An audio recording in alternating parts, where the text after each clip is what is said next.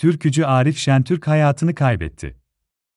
Haber Merkezi Rumeli türküleriyle bilinen Arif Şentürk 81 yaşında hayatını kaybetti.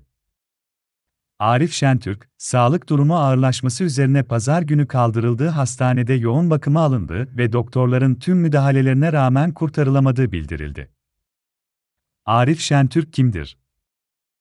1941 senesinde Makedonya'nın Kumanova kasabasında dünyaya gelen Arif Şentürk, ilk ve orta öğretimini burada bulunan bir Türk okulunda tamamladıktan sonra, 1956 yılında ailesiyle beraber Türkiye'ye göç etti. Önce Kırklareli'ye yerleşen aile, daha sonra İstanbul'un Zeytinburnu semtine taşındı.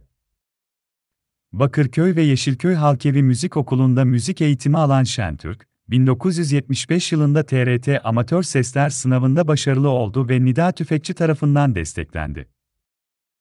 Müzik hayatı boyunca toplam 12 albüm dolduran Arif Şentürk, Makedonya, Kosova, Bulgaristan, Bosna Hersek, Yunanistan gibi bölgelerden derlediği özellikle Deryalar, Ramize, Safiye gibi Rumeli türküleriyle beni kazandı.